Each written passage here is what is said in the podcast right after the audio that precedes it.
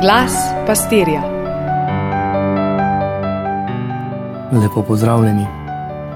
Po prejšnji nedelji, ko smo z Elijem vstopali v poklicanost, še bolj pa s tem, ko je dal mesto naslednjemu Elizeju, in potem z učenci, eh, ki so priča raznim povabilom, klicem poklicanosti.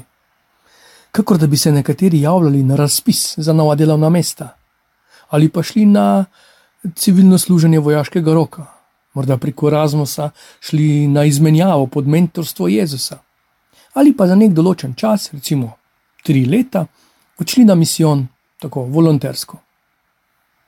Pa je bil tam tisti prvi navdušenček, kamorkoli greš, grem s tabo. Karkoli rečeš, bom naredil. Malo spominja na Petra pri zadnji večerji. S Petrom vemo, kaj se je potem zgodilo, nekaj ur kasneje. Kaj pa se je zgodilo s tem navdušenim prvobhajamcem, ko je zvedel, da ne bo daril in da vsaka maša ni prvo sveto obhajilo, ampak da se začne pot? No, ne vemo, kam je šla njegova pot. Podobno ne vemo, kaj se je zgodilo z drugim, zagretim, pa že malo preračunljivim. Ta birmanec bi Jezusu na samem celo rekel, da je car. Tudi doma ga čakajo starši, ki morda ne bodo najbolj navdušeni nad njegovo hojo za Jezusom. Javno sicer rečejo, da mu sedaj, ko je birman, dovolijo, da se sam odloča, vendar v resnici ne mislijo tako. Dajo mu vedeti, da ne rabi biti fanatik, hoditi vsako nedeljo k maši. Ali čuden bo, če bo v petkih imel drugačno prehrano, da ne bo jedel mesa, pa menda ja ne misli, da bodo samo za njega kuhali drugače. Skratka, vsi se strinjajo, da je Birma lepa, res lepa, ampak zdaj pa je dovolj. In tretji se pa pripravlja na zakon. Res je že, da s partnerico nekaj časa živita skupaj, kot mož in žena, seveda, vendar nekaj še manjka. Jezus, ti bi bil ravno pravi. Ko pa se zgodi Jezusov pogled na stvarnost, ali, ali, hoja za Jezusom ni fitness, ni ščepec krščanske kulture. Prejšnji sem rekel, da krščanstvo ni kultura, no, ni bonton, ni kulturnost, ni en delček kulture, lahko pa prekvasi kulturo. In pravilo, najprej štalca, potem pa kravca. Jezus, ti si najpomembnejši učitelj v mojem življenju. Zato bomo poslušali podcast o tebi, šli enkrat na leto na romanje, dali bomo za mašo, pa še kaj, seveda, poleg vsega ostalega.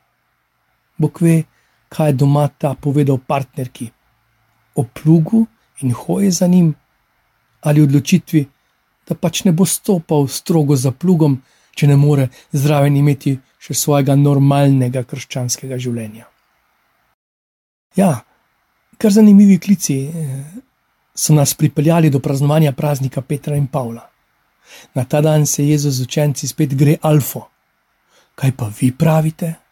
To je tak pristen alfa pristop. Ne, poslušajte me, jaz vem, jaz imam prav. Ampak bolj res me zanima, kaj vi pravite. In kako se kristalizira misel, se najde beseda, stečejo pogovori in se stkejo prijateljstva.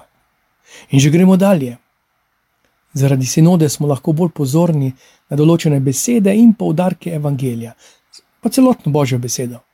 Skozi je na poti, v vsej svoji svobodi in svoji moči, ki je dejansko ne moč v očeh sveta, to nebogljeno jagnje. Pa ravno zato. Kaj pa rojeva vele moč človeka? Vsi izumi, na ustnicah mir, v realnosti vojna na papirju življenje, v sodnih dvoranah, legalizacija smrti ob začetku in koncu življenja človeškega. V javnosti svoboda in pravičnost, na vsakem koraku zlorabe in izkoriščanja. Imamo rade in aparate, inštitucije in razno razne gremije, in vsem na očeh se dogaja krutost, ki je z vso dobro voljo in močjo ne moremo preprečiti. In tudi, če preprečimo vojno v Ukrajini, Kdo bo preprečil vojno v sosednjem bloku?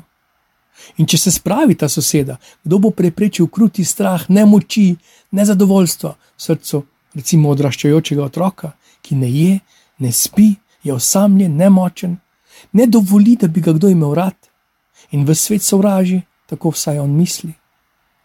Jezus pa kliče: Ne moremo reči, da vse poprek, lahko pa rečemo vsakega.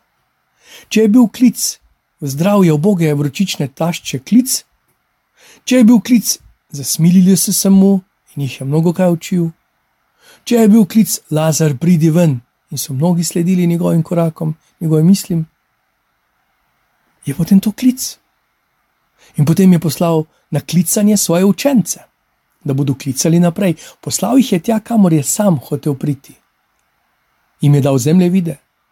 So rešili po dva in dva, in ne kot kakšni skavti, ko jih pošljemo po gručicah in se za vogalom združijo v četo, več nas je bolje, močnejši smo. In je rekel, koliko dni naj bodo na poti, koliko ur na dan naj oznanjajo, kako nagovarjajo, kako nagovarjajo revne, kako bogate, kako žalostne, kako vesele, kako bolne in kako zdrave, kako ženske, kako moške, kako otroke, kako starce, kako mlade in kako odrasle. Poslal jih je. Tja, kamor je sam hotel priti. Z njimi je bila njegova volja, njegova moč, njegovo poslanstvo, njegova vizija, pod pogojem, da gredo tudi na njegov način. Njegov način, zdaj bi lahko rekli, malo je več. Ne premalo, gotovo pa ne preveč. Ni dvoma o opustitvi B variante in modela za vsak slučaj. Brez dodatne pomoči, brez dodatnih vez, ampak s poslanstvom nikakor pa ne sami, kjer sta dva ali trije, sem jaz med njimi, med vami in so šli v njegovem imenu. Kaj se zgodi? V kakšnem sodobnem filmu bi lahko prikazali realnost te poti, ki gotovo ni bila samo romantična, bila pa je močna, kot je življenje. Mi lahko karikiramo, da so jih na poti tudi žalili, ne sprejemali, pa hkrati, da so se dogajali čudeži, ozdravitve, izganjanja hudega duha v tem so sami pripovedovali, ko so se vrnili.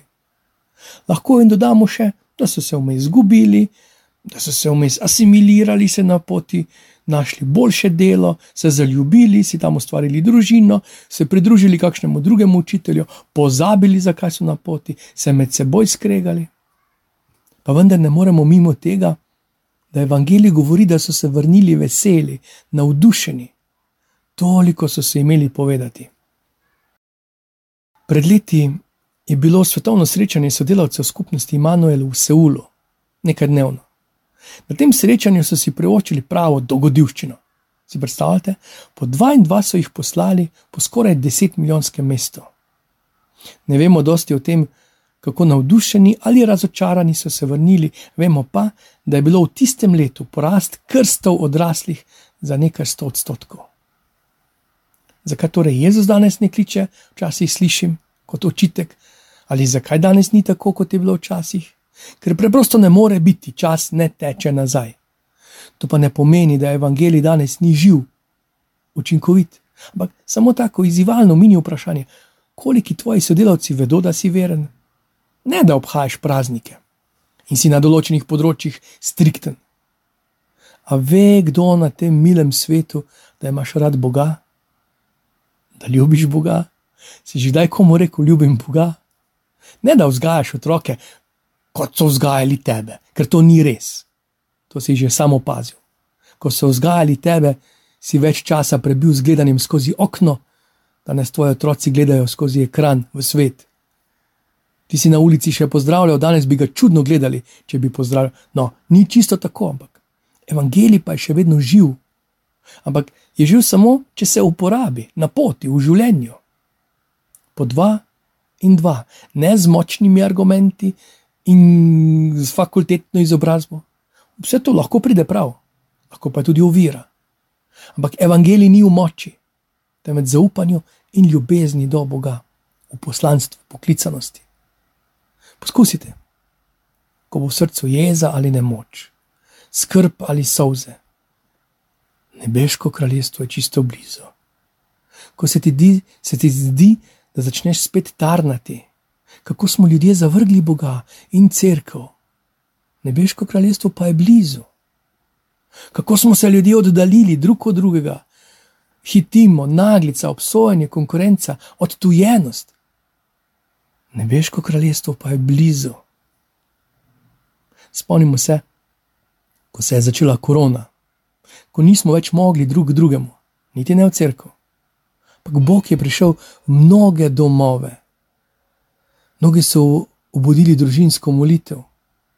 Ne rabimo iti nazaj na stara pota. Ni potrebno pozabiti na njega, ki je vstopil v naš dom.